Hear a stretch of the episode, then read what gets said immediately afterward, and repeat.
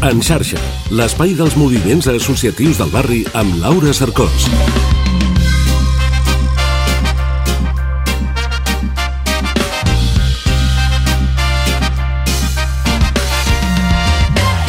La cultura és inevitable com a societat i com a humans la cultura ens marca. De fet, no exageraria gaire si dic que la cultura és imprescindible en el nostre dia a dia. Encara que no la busquem, sempre hi és. Però tot i tenir això ben clar, la cultura ha estat i està, encara ara, maltractada. Espanya és un dels països amb l'IVA cultural més alt d'Europa. Actualment està entre el 8 i el 10% en espectacles i actuacions en directes, però qui segueix amb el vergonyós 21% és el cinema. El govern espanyol promet rebaixar-lo amb l'aprovació dels nous pressupostos. Però ni la cultura és la seva màxima preocupació ni sembla que aquests pressupostos s'acabin aprovant. I així cada cop resulta més difícil participar de la cultura. Per sort, cada cop sorgeixen més iniciatives que volen apropar-la a la població. Avui en xarxa parlem de les noves maneres de fer cultura. Comencem.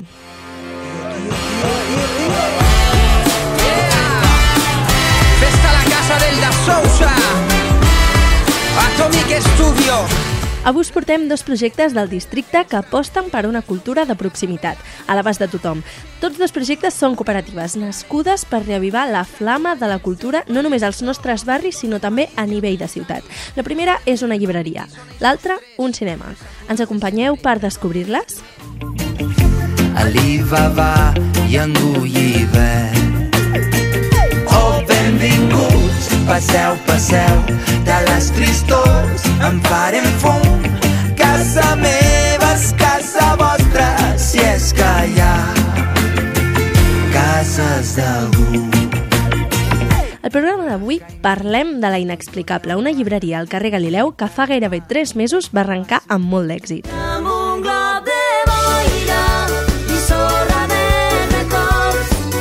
La Inexplicable és, com hem dit, una cooperativa. A banda d'això, és també una llibreria de barri que vol ser propera als veïns i les veïnes. La Glòria i la Nun són les dues cosòcies d'aquesta botiga i tenen clar que volen estar a prop dels seus clients, ajudar-los en el que calgui i promoure la cultura al barri. Totes dues tenien el somni d'obrir una llibreria i ara això s'ha fet realitat. I no només porten amb cura al local i recomanen llibres dels compradors, sinó que també organitzen cursos, clubs de lectura i presentacions.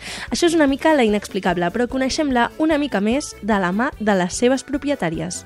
Avui ens trobem aquí entre llibres, som a la llibreria La Inexplicable del carrer Galileu i ens trobem la Glòria i la Nun. Hola, molt bon dia. Hola, bon dia, què tal? Hola, bon dia. Ara ja fa tres mesos que veu inaugurar més o menys la llibreria. Eh, com han anat aquests mesos? Doncs de moment estan anant molt, molt bé, la- l'acollida del barri ha sigut molt bona. Eh, vam començar en campanya de Nadal, vull dir que tampoc mm, podem valorar massa, però la veritat és que va venir molta gent, ens va conèixer molta gent, hem sortit a mitjans, vull dir que estem força contentes de com està anant. I com és que us veu llançar obrir i començar un projecte així? És una mica inexplicable, de fet, no? Però bé, feia anys que teníem al cap que era una cosa que ens agradaria molt fer, ens semblava que era com un somni realitzable, sobretot per un tema econòmic, no? Perquè eh, bueno, cal una inversió important i res, un dia parlant amb una amiga i dient que per què no muntàvem una llibreria, doncs ostres, perquè no tenim diners. I ens va dir, ah, doncs jo us puc fer un cop de mà. Finalment no, no, va posar, no va acabar posant diners, no? però aquella conversa ens va ajudar a fer el clic de dir, caram, i si ho mirem de veritat? I si mirem realment quants diners calen, què se n'ha de fer, tal?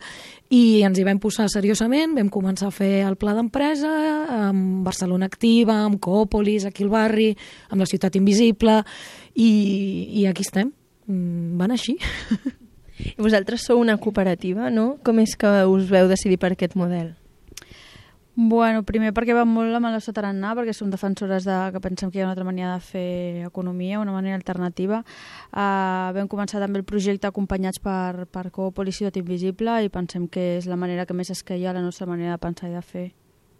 I eh, per, per sort, últimament estan sortint moltes iniciatives semblants, no? En, relacionades amb cooperatives de cultura i oci. Què creieu que aporta una cooperativa com la vostra a la cultura en general?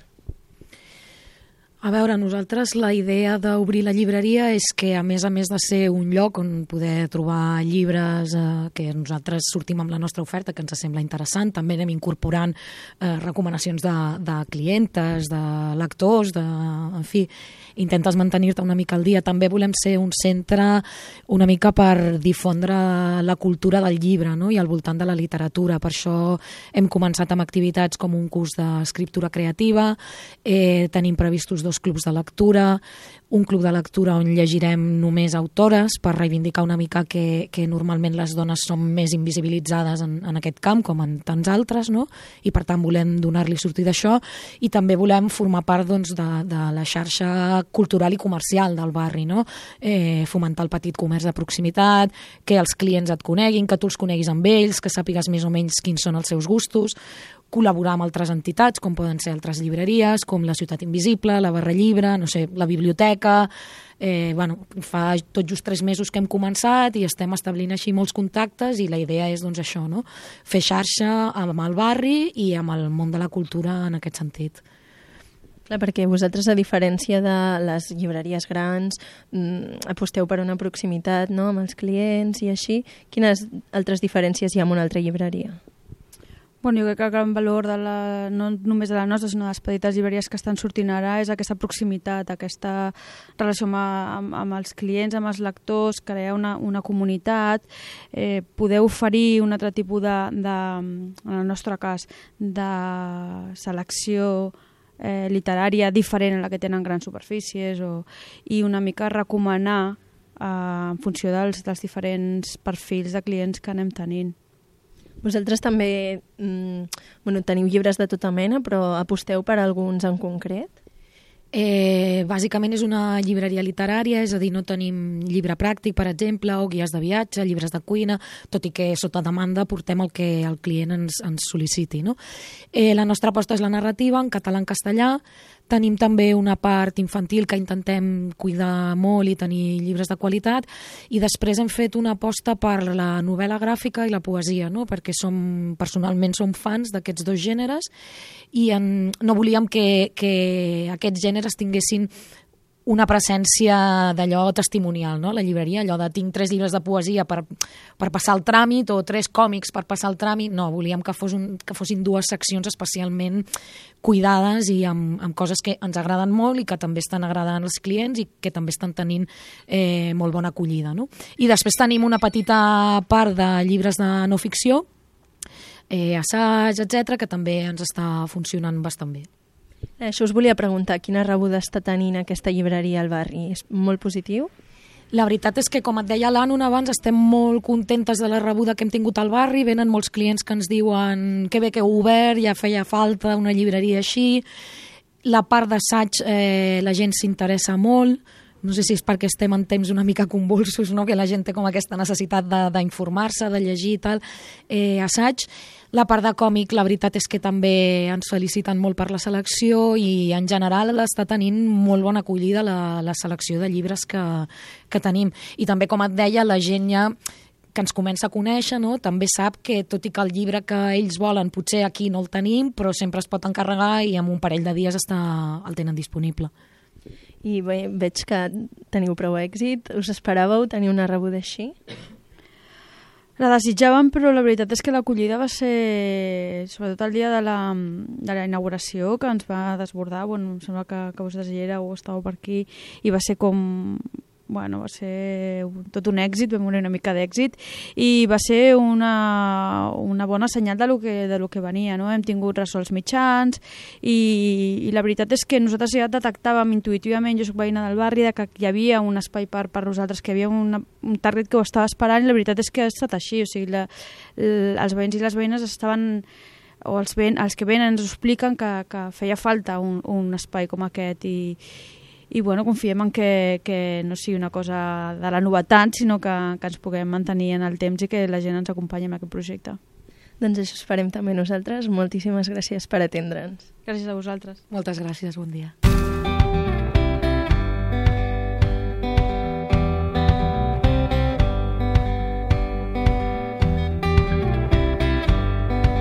I deixem de banda per un moment els llibres i parlem del setè art, el cinema.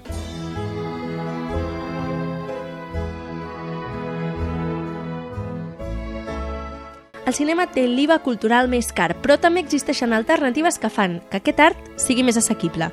Potser no sembla un fenomen tan comú com en les llibreries, però també existeixen cinemes que són cooperatives, com per exemple el Sumseig, un cinema cooperativa que es troba al carrer Béjar. Fa uns anys aquest cinema va reconvertir-se i ara és una cooperativa sense ànim de lucre que aposta per un cinema alternatiu i amb una vessant transformadora.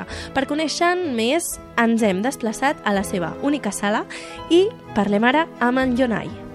Ens trobem avui al carrer Béjar, un, amb un dels cinemes més únics de Barcelona, és el Zumzeig. És un cinema cooperativa i per parlar-ne ens acompanya el Jonai. Hola, bon dia. Hola, bon dia. Per què un cinema i una cooperativa alhora? Uh, bueno, uh, aquest cinema va obrir l'any 2013, era una SL, i llavors l'amo va decidir que volia com distanciar-se una mica, perquè bueno, és molt difícil obrir un cinema dedicat a les pel·lícules d'autor i experimentals en una ciutat com Barcelona.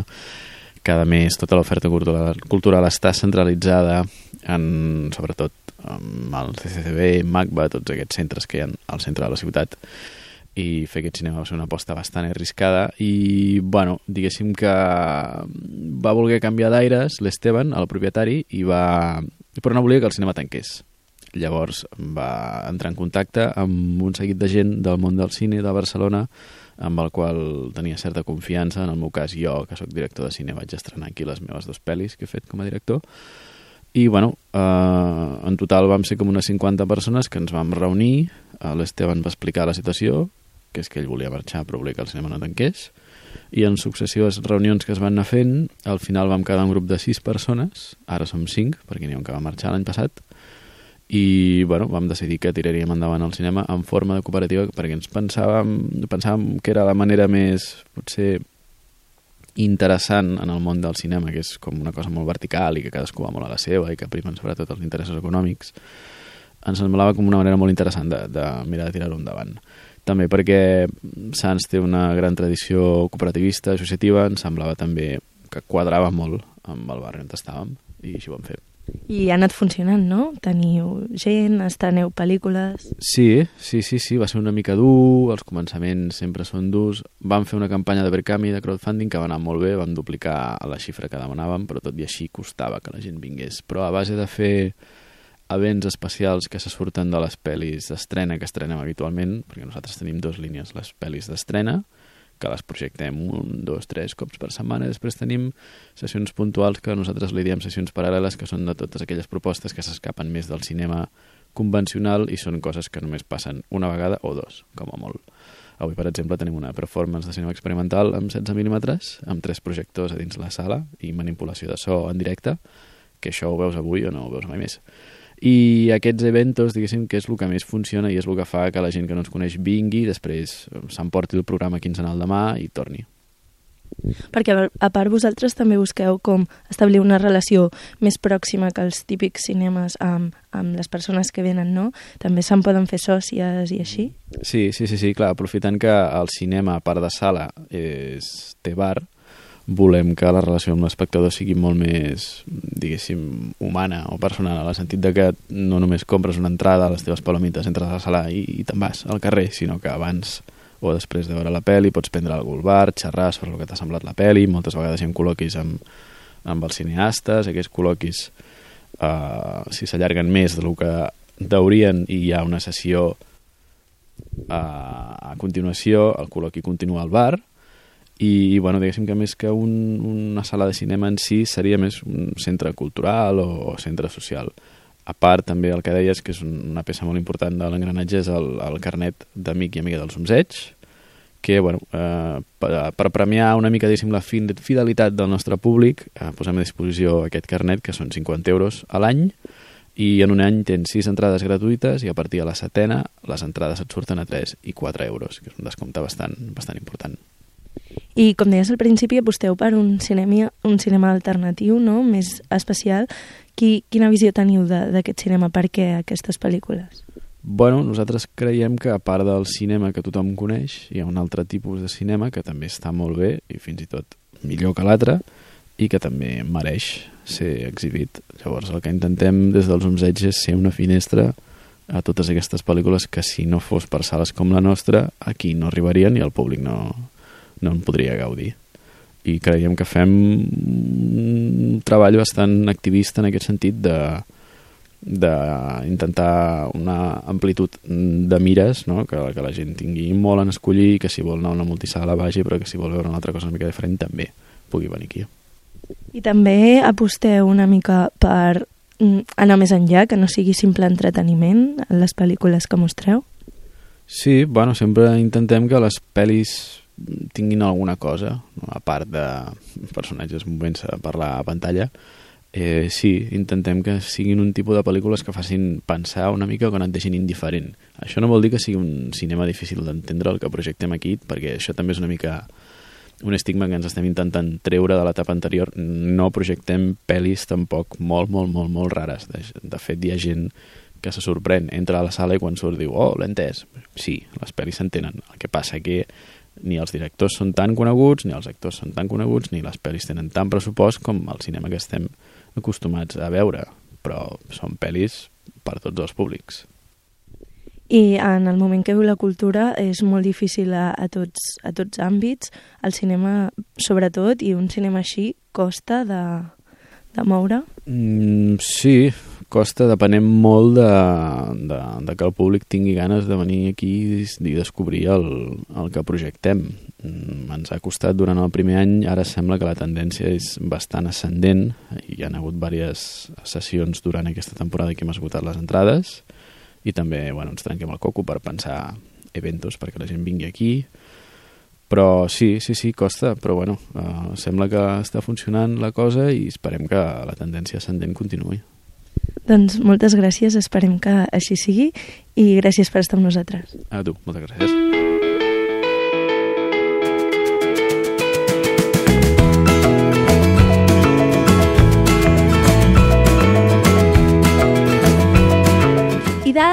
Cultura n'hi ha de tota mena a Sants Montjuïc. Moltes cooperatives i associacions neixen per fer créixer aquesta part tan important de la nostra societat. Recuperem ara un reportatge sobre el col·lectiu d'artistes de Sants amb motiu d'una de les seves mostres, que es va emetre en el programa Sants Montjuïc al dia. Un cop al mes, el col·lectiu d'artistes de Sants organitza una mostra al carrer. Hem pogut parlar amb alguns d'ells per saber què exposaven i què és per ells el col·lectiu d'artistes de Sants. Convido un croissant, fem una bitxissuà si vols fer una fondé en un bon restaurant. Saludarem el xef, brindarem amb xampany. Estem aquí al passatge Fructuós Gelabert amb en Josep Olivares, que té aquí exposat els seus quadres. Hola, molt bon dia. Hola, bon dia. Qui, quines obres has portat aquí avui? Com cada eh, vegada que, que venim aquí, el segon dissabte de cada mes, pues, sempre porto les, les, les mateixes. Vull dir, què t'inspira per pintar aquests quadres? què m'inspira? Mm, No sé. No sé què, què, què dir-te, què, què m'inspira. No sé. Pues, eh, és usar la, la imaginació, no? Eh, perquè eh, totes aquestes pintures són imaginaves meves, no? No, no, no són còpies, perquè aquí eh, a la mostra d'art no, no, no es poden portar còpies, saps? Tenen que ser originals, no? Bueno, I tots aquests paisatges eh, són algun lloc o són d'algun... no, no, no són imaginables. Sí, sí, són paisatges im- imaginables, sí. I, I què és per tu el col·lectiu d'artistes? Hi participes molt? Sí, ja fa anys que, que estic en el col·lectiu d'artistes de Sant. Bueno, el col·lectiu d'artistes de Sant per mi és, és, a veure, és una teràpia, és un relax, eh, hi ha un bon companyerisme, ens avenim molt bé, és, és com si fóssim una, una a veure, com t'hi diria jo, una roca, una roca amb, eh, una roca. Sí, estem...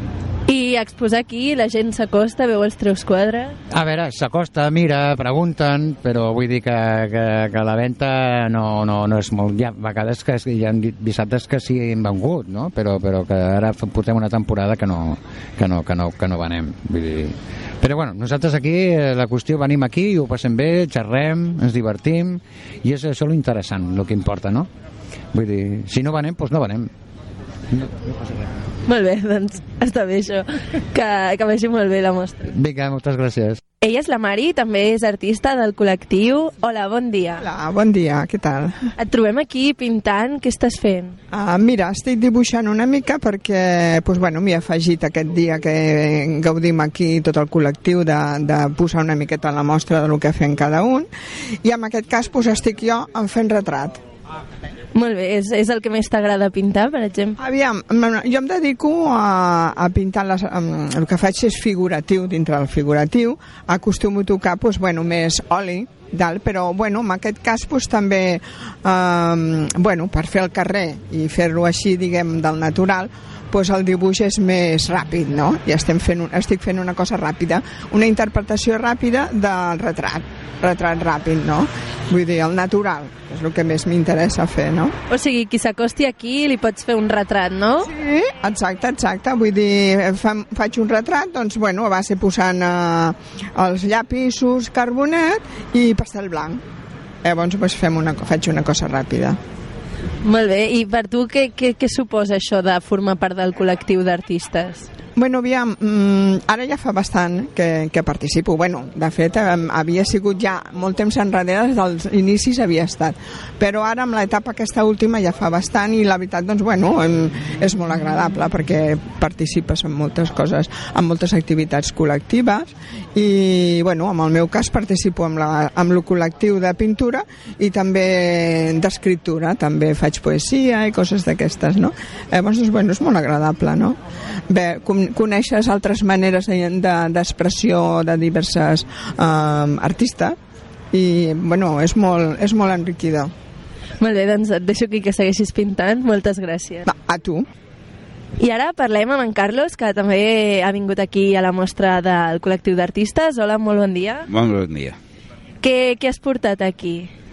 Bueno, normalmente yo traigo eh, pequeños formatos con acuarelas, eh, paisajes y, y me, me encanta trabajar el tema de las embarcaciones.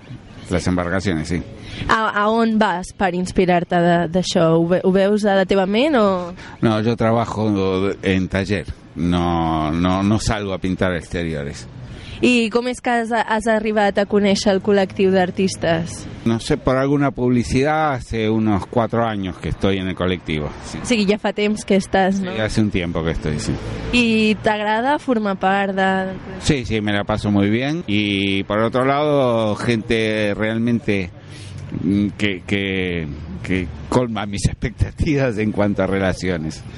I eh, és útil per com, conèixer altres maneres de fer, aplicar-ho, anar creixent tu com a artista.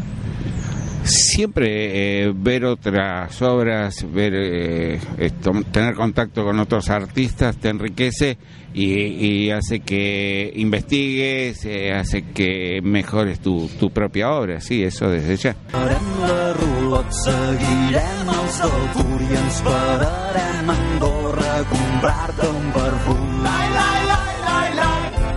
Durant la mostra del col·lectiu d'artistes de Sants hi regnava un molt bon ambient. Els seus membres mostraven les obres d'art que havien creat sense patir per si es venien o no. I és que el més important era passar un bon moment tots junts per poder disfrutar de l'art que fan aquí al barri de Sants. Ha informat Laura Cercós.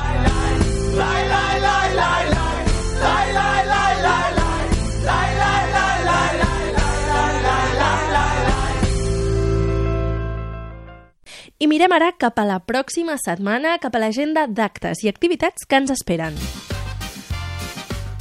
A partir del dilluns de la setmana que ve, la Lleialtat Sancenca comença els seus tallers i cursos de febrer i març.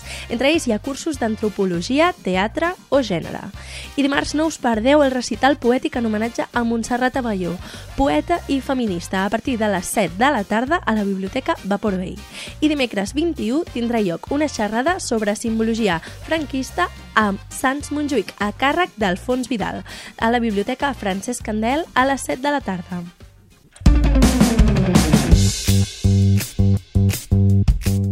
Arribem així al final del programa en una enxarxa dedicat a la cultura i a les noves maneres que hi ha per fer-la arribar a la gent. Hem conegut dos projectes que així ho fan, la inexplicable i els somzets. Literatura i cinema convertits en cooperatives que aposten per fer la cultura i l'art més accessibles. plena per tu. Recordeu que podreu trobar aquests projectes i tots els que han anat apareixent en el programa al nostre mapa. Ho trobareu al Twitter, arroba Sants en xarxa. Això és tot. Fins diumenge que ve. Cantar-te fins que arribi l'alba, tornar-me a embriagar amb el teu perfum. Mentre fora el món va donant voltes i riure fins que ens falti l'aire, memoritzar el rac